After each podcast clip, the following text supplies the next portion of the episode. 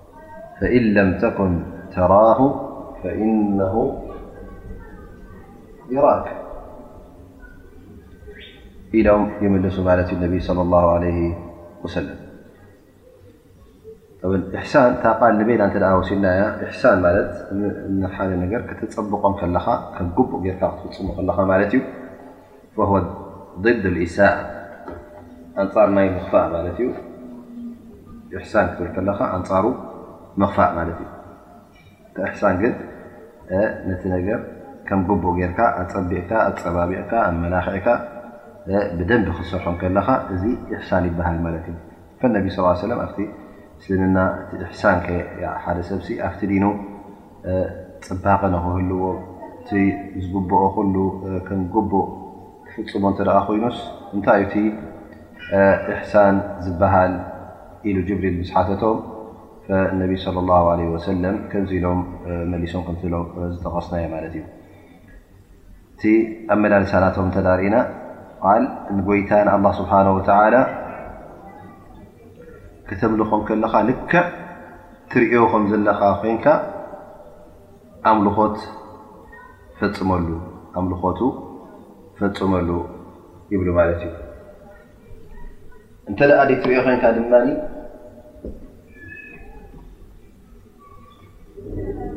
ኣላ ስብሓን ወተላ ንሱ ይርእካ ከምዘሎ ጌርካ ውን ኣምልኾትካ ፈፅም ኢሎም ነቢ ለ ላ ለ ሰለም ይምልሱ ማለት ኣንተዕቡድ ላ ከኣነካ ተራ ማለት ክትሰግድ ከለኻ ንኣብነት ልክዕ ኣብ ቅድሜኻ ኣላህ ስብሓን ወተዓላ ከም ዘሎ ከምዛ ብዓይንኻ እትሪኦ ዘለኻ ጌርካ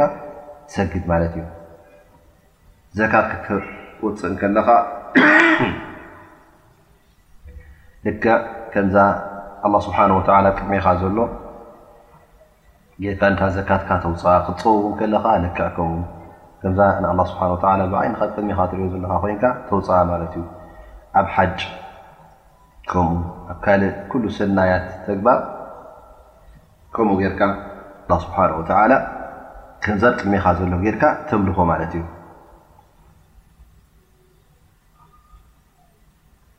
እዚ ኸዓ እንተ ኣብ ቅድሚ ዓይነኻ ኩሉ ግዜ ኣላ ስብሓን ወተላ ከምዝረኣየካ ዘሎ ጌርካ እንተ ኣምልኾትካ ትፍፅም ኣለኻ ኮይንካ እቲ ዕባዳኻ እቲ ዝግባእ ነገራት ዝግበር ነገራት እንታይ ክትከውን ኢኻ ማለት እዩ ኩሉ ግዜ ነቲ ስራሕ ትሰርሖ ብንፅሕና ክትሰርሖ ኢኻ ብንፅሕና ክትሰርሖ ኢኻ ተግባር ውን ተጠንቂቕካ ከምቲ ኣላ ስብሓን ወተላ ዝደልዮን ከምቲ ነቢ ሙሓመድ ለ ላ ለ ሰለም ዘርኣዩኻን ዝሓበሩኻ ጌርካ ከምኡ ጌርካ ክትፍፅሞ ኢኻ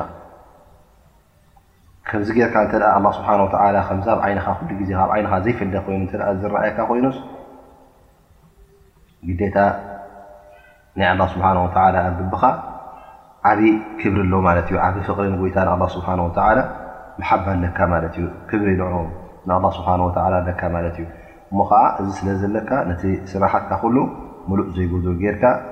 ፅሩይን ንፁህን ጌርካ ስርሖ ማለት እዩ። ኣብዚ ደረጃ እዚ እንተድኣ ደይበፃሕካ ድማ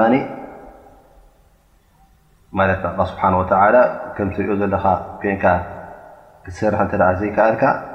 እሞ ኣላ ስብሓን ወተላ ይርእየኒ ኣሎ ኢልካ ነዛ ነብስኻ ውን እቲ ኣምልኾትካ ንኣላ ስብሓን ወተላ ኩሉ ግዜ ይከታተልካ ከም ዘሎ ካብኡ ተጠንቂቕካ ካብኡ እናፈራህካ እሞ ንዝኾነ ነገር ክትገብራ ከለኻስ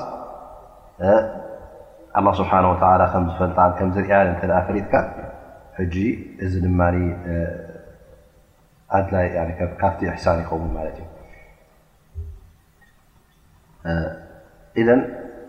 ይብል ሼክ እብኒ ዑሰይሚን ንጎይታ ንኣላ ስብሓን ወተላ ኣምልኾ ትገብር ከለኻ ሃንቀውታ ጌርካ ክትፍፅሞ ከለኻ እዚ ዝበለፀ እዩ ማለት ኣላ ስብሓን ወተላ ቅድሜኻ ከምዘሎ ጌርካ ብድልት ንሓደ ነገር ማለት ተቖጻጺሩካ ኮይኑ ወይ ከኣ ተኸታቲሉካ ብድሕሬኻ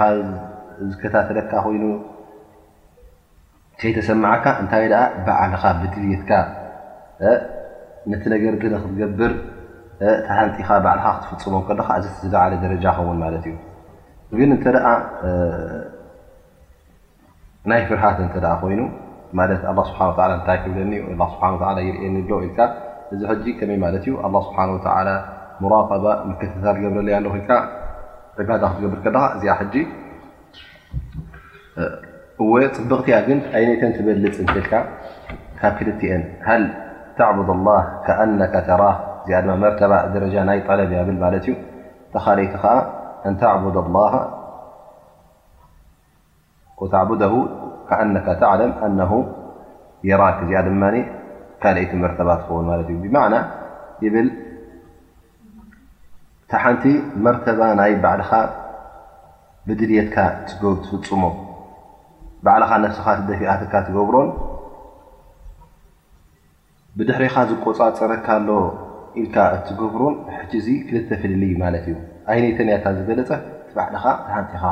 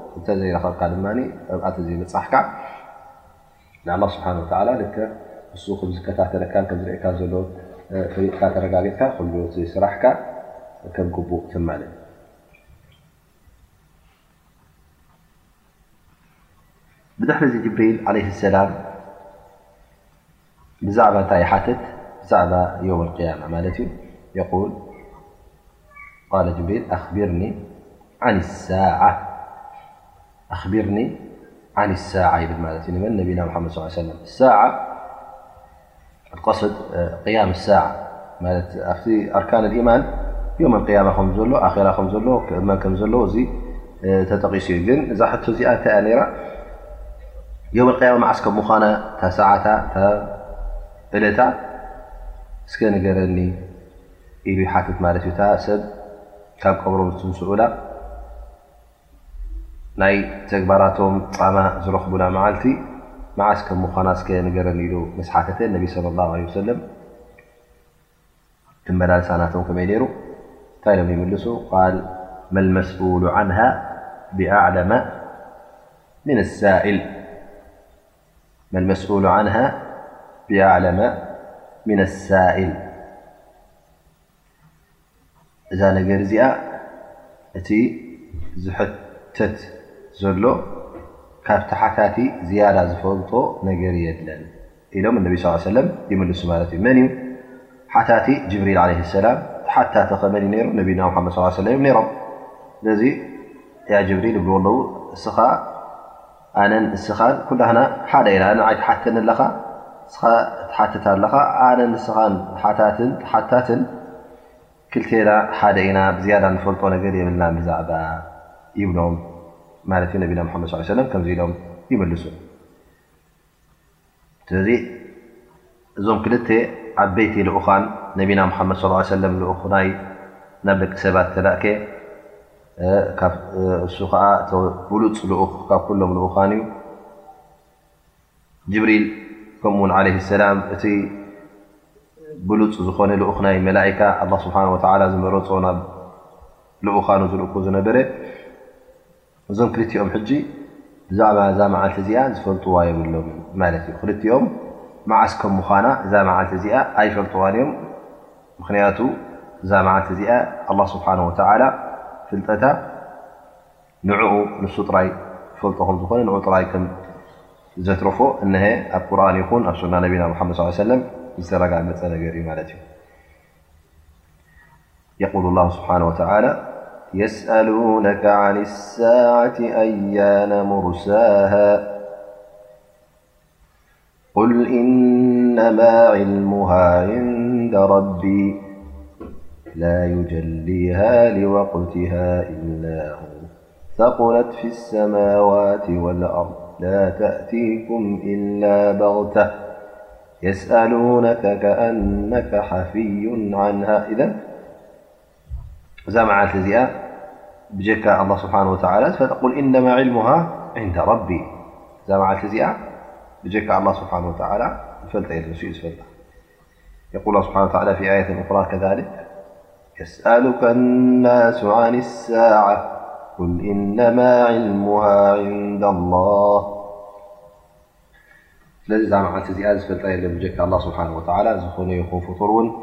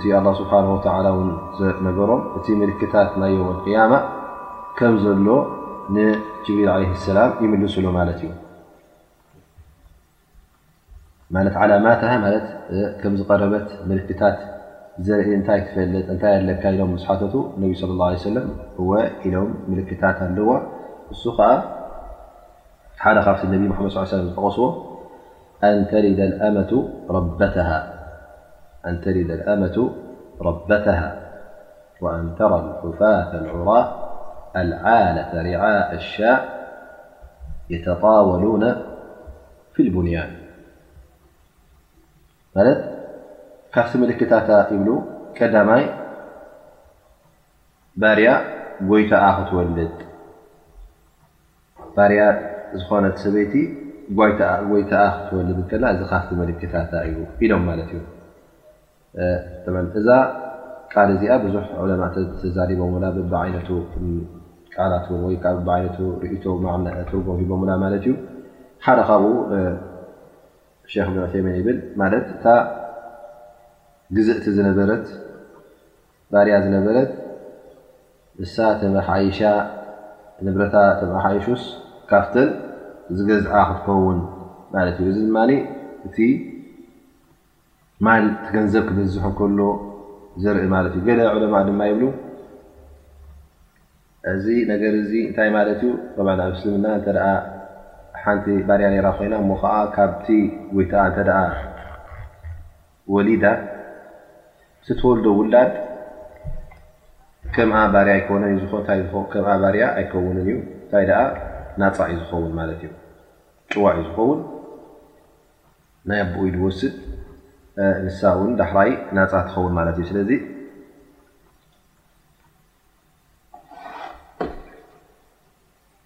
ነዚ ህፃን ብምውላዳ ወዲ ተባዕታይ ይኹን ጓል ኣንስተይቲ እቲ ተወልደ ውላዳ ከሎ ጎይታ ኮይኑ ወይ ከዓ ጭዋ ኮይኑ ስለተወልደ ሕጂ እታ ባርያ ጭዋ ወሊዳ ማለት እዩ ከም እቲ ኣቡኡ እውን እንታይ ክኸውን ማለት እዩ ሕጂ እዚ ጭዋ ጎይታ ኮይኑ ካኣ ንንሱ ካብቲ ዝነበረቶ ባርነት ጭዋ ከም ዘውፅኣ ዘሎ ኮይኑ ይርከብ ማለት እዩ ስለዚ በዚ ክትርዳእ ትኽእል ላኪን እቲ ዘረባ እውን እንታይ ማለት እዩ ከምዚ ዓይነት እዚ ክበዝሕ እዩ መምሉክ ወይ ከዓ ባርያታ ዝነበሩ ግዜ ብዝበዝሑ ግዜ ነይሩ ማር ዝበዝሑ ግዜ ነይሩ ማለት እዩ ብድሕሪኡ እውን ነቢ ስ ሰለም ዝጠቀስዎ ማለት እዩ እቶም ድኻታት ዝነበሩ ሰባት ጥራሕ እግሮም ዝኸዱ ዝነበሩ ዝለብስዎ ክዳን ዘይነበሮም ጓሶት ዝነበሩ እዞም ሰባት እዚኦም ሓሊፍሎምሲ በብዓይነቱ ህንፃታት ሰሪሖም ሃኒፆም እሞ እዚ ህንፃታት ጥራይ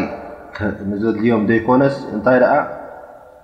ንኽዕበዩሉን ንኽሕበኑሉ ኢሎም ነዊሕ ገዛውቲ፣ ዓበይቲ ገዛውቲ፣ ብልጭልጭ ዝብል መልክዕ ዘለዎ ገዛውቲ ክሰርሑ ክርከቡ ከለዉ፣ ቀደም ሓንቲ ኣይነበሮምን ግን ሓሊፍሎምሲ ኣብዚ ደረጃ ዝበጽሑሉ እንተ በጺሖም እቶም ሑፋት ዑራት ጥራሕ እግሮም ጥራሕ ነብሶም ክዳን ዘይነበሮም ሰባት ከም ዝኣመሰለ ክሓልፈሎም እንከሎ እሞ ኸኣ ረኺቦም ገንዘብ ዝኣኽሎም ኮይኑስ ካብኡ ንላዕሊ ዝጀሃርሉ ገንዘብ ገይሮም እሞ ከዓ ኣነ ገዛ ይዓቢ ገዛ ይነውሕ ገዛ ይምልክዕ እናበሉ ክጀሃሩን ክዕበዩን ከለዉ እዚ ሓደ ካብቲ ምልክት ናይ ዮም ቅያማ ከም ምኳኑ እነቢ ስለ ላ ሰለም ሓቢሮም ማለት እዩ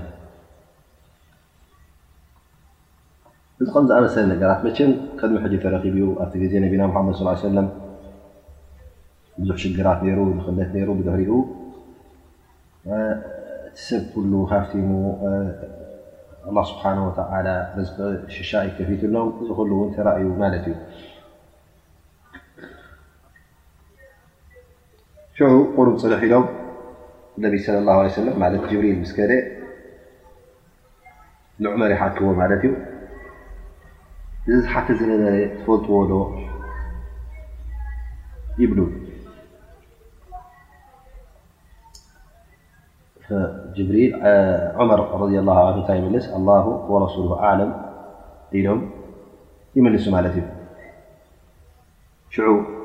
ነብይና መሓመድ ሰለላሁ ዓለይሂ ወሰለም ነቶም ብጾቶም ይነግርዎም፣ እዚ ጅብሪል እዩ፣ ንህኩም ደኣሲ ዲንኩም ምኸፍልጠኩም ኢሉ መጺኡ ንኽትመሃሩ ካብቲ ሕቶታት ናቱ ንኽትጥቀሙ ዕልሚ ንኽትቀስሙ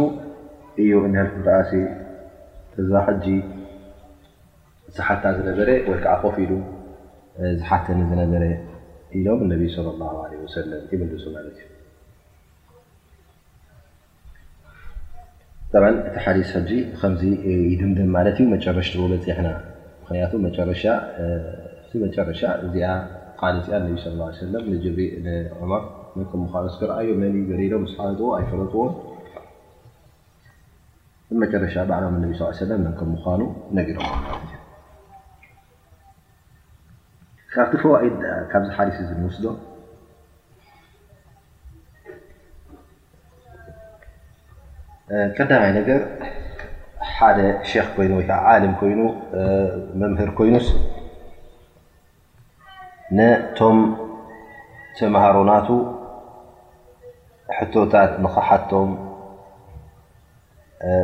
ኣድላይ ከም ምኳኑ ዘብርህ ማለት እዩ ብሕቶ ጌርካን ሕቶ መልስን ጌርካን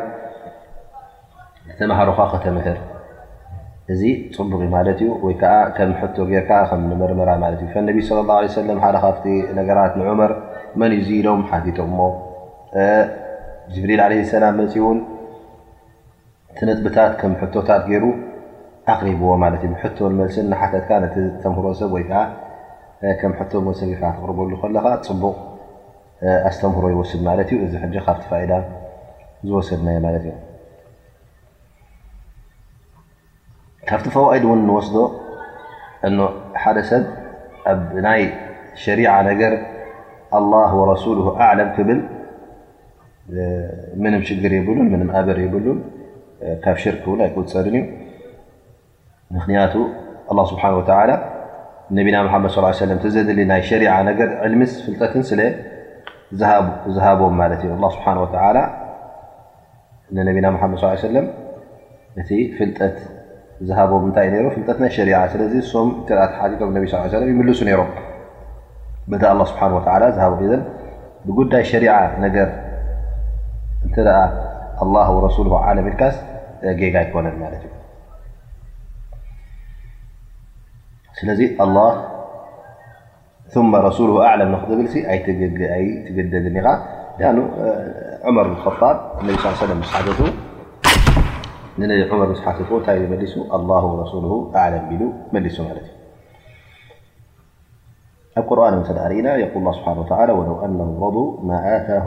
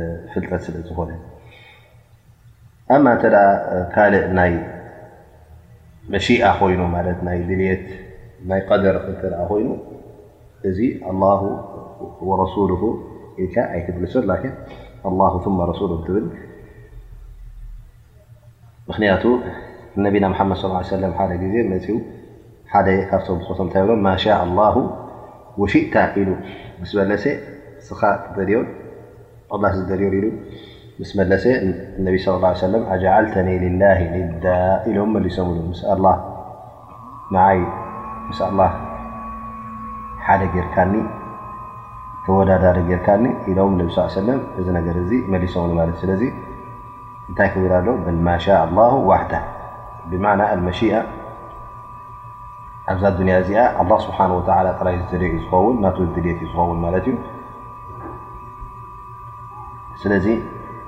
ኣብቲ ናይ ሸሪዓ ናይ ዲን ክኸውን ከሎ ፍልጠት ነቢ ስ ሰለም ኣላሁ ወረሱሉ ኣዕለም ተበልካ ኣለዎም ሽግር የብሉን ላኪን ኣብቲ ናይ መሽኣ ከም ዘይፍቀድ ኣብዚ ሓዲስ እዚ ፋኢዳ ንወስድ ማለት እዩ።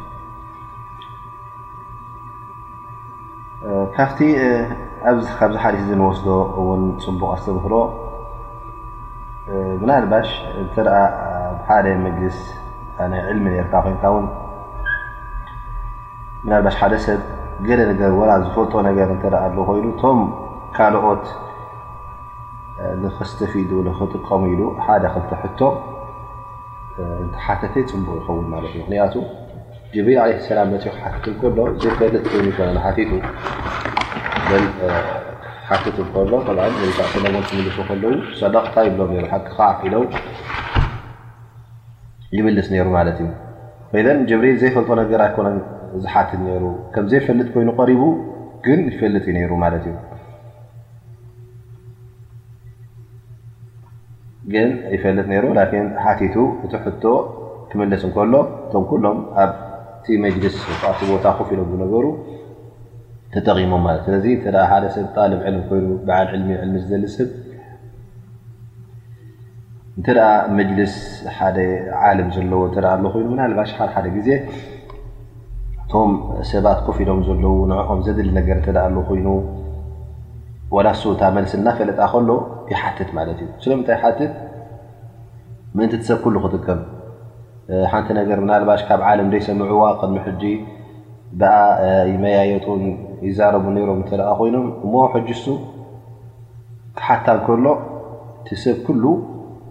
ይሰምዕ ማለት እዩ መልሲ ይረክብ እቲ ፋይዳ ንመን ይኸውን ማለት እዩ እቲ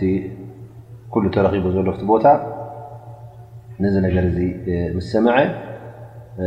ብጣዕሚ ይጥቀም ማለት እዩ እዚ ሕጂ ንገዛእ ርእሱ እቲ መጅልስ በረካ ናይ ዕልሚ ይገብር ማለት እዩ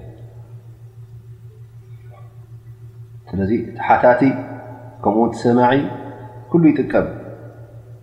ዝምልስ ዘሎ ኩሉ ይጥቀም እዚ በረካ ናይ ዕልሚ ዕልሚ ኩሉ ግዜ ናብ ኩሉ እዩ ዝበፅሕ ፈضሉ ላህ ዓظም ናይ ረቢ ፀጋ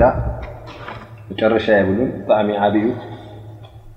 ስለዚ ንስኻ ክትሓትት ከለኻ ወላ እናፈለጥካ ከለኻ እተ ሓቲትካ ሰብ ክጥቀሚትካ ኣጅር ኣለካ እቲ ዝምልስ ዘሎ እውን ኣጅር ኣለዎ እቲ ዝሰምዕ ዘሎ ኣጅር ኣለዎ ኣ ንመጅሊስ ናይ ዕልሚ ስለ ዝኾነ ር ትሰምዓሉ ስለ ዘለኻ እቲ በረካ ናይ ዕልሚ ሕጂ ኣብ ኩሉ ይባፃሕ ከምዚ ገለ ኣሕዋት ሕጂ ኣብዚ ሩም ዕልቢ ክንህብ ከለና ወላ ዝፈልጥዋ ከልዉ ሓደ ሓደ ግዜ ይሓቱ ማለት እዩ ምክንያቱ እቲ ሰብ ኩሉ ንክጥቀም ኢሎም እቲ መጅልስ እውን ይሂን ምሂን ኢልካ ካብትን ካብትን ክስማዕ እንከሎ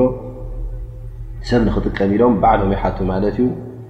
ነቲ መጅልስ የዋዓውዕዎ ፅቡቕ ረኽቡ ሕጂ እዚ ንገዛእ ርእሱ እንሻ ኣላ ኣጅር ኣለዎ ዝወፅኦ ኢልካ እዚ ሕቶ እዚ ሱቕ ኢልካ ኣይጥፍኦምን እዩ ኣላ ስብሓን ወተዓላ ኣጅሪ ክኸትበሎም እዩ ምክንያቱ እቲ ንያናቶም ምእንቲ እቲ ዕልሚ ክዝውተር ኣብ ኩሉ ክበፅሕ ድልት ስለ ዘለዎም እዚ ጠቓሚ ይኸውን ማለት እዩ ስለዚ ኣሕዋት ኩሉ ግዜ እንተ ደኣ ኣብ ከም ዝኣመሰለ መጅሊስ ኣለኹ ኮይንኩም እዛ ነጥቢ እዚኣስ ምናልባሽ ፈልጣ እየ ኢልካ ሱቕ ኣይትበል እንተ ሓንቲ ነጥብላ ኮይና እሞ ከዓ እቶም ሰባት ዝሰምዑ ዘለዉ ንዕኦም ተድልዮም ኮይና እተ ዝስምዓካ ኮይኑ ወይ ብዛዕባ ብዙሕ ነገር ዘይፈልጥዎ ነገር እተ ኣሎ ኢልካ ተኣምን ኮይንካስ ተሓተትካ ካብ ሕቶ ጌርካ እተቕረብካያስ ትፋይ ደኣ ፅቡቕ ይኸውን ማለት እዩ ጠ እዚ ሓዲስ እዚ እውን እተርእናዮ ዓብዪ ሓዲስ እዩ ነቲ ናይ ዲን ኩሉ ዘማልአ ይኸውን ወነቢ ሰለ ላሁ ዓለይሂ ወሰለም እንታይ ኢሎም ሃዛ ጅብሪል ጃኩም ዩዓሊሙኩም ዲነኩም ጅብሪል እነሀ ዲንኩም ከምህረኩም መፅኡ ኢሎም ነቢ ስ ሰለም ኢዘን እዚ ሓዲስ እዚ ሓደ ሓዲስ ደኣ ይኹን እቲ ትሕዝቶ ናቱ ግን ነቲ ዲን ኩሉ ዘማለ እዩ ምክንያቱ ኣርካን ኣልእስላም እቲ መእዝን ወይከዓ ዓንድታት እስልምና ተጠቒስዎ ዓንድታት ኢማን ኣርካን ልኢማን ተጠቒስዎ እቲ ኢሕሳን ዝለዓለ ደረጃ ናይ ዒባዳ ናይ ኣምልኾት ከመይ ጌርካ ኣምልኾት ንኣላ ስብሓን ወተዓላ ክትገብር ከም ዘለካ ተጠቒሱ ጉዳይ ዮም ኣልቅያማ መዓስ ከም ምዃኑ ፍፁም ዝፈልጣ ከም ዘይብላ ተጠቒሱ ማለት እዩ እዚ ኩሉ ነገራት ኣብ ሓደ ሓዲስ መፅኡ እዚ ሓዲስ እዚ እቲ ዲን ኩሉ ዘማልኣ ከም ምዃኑ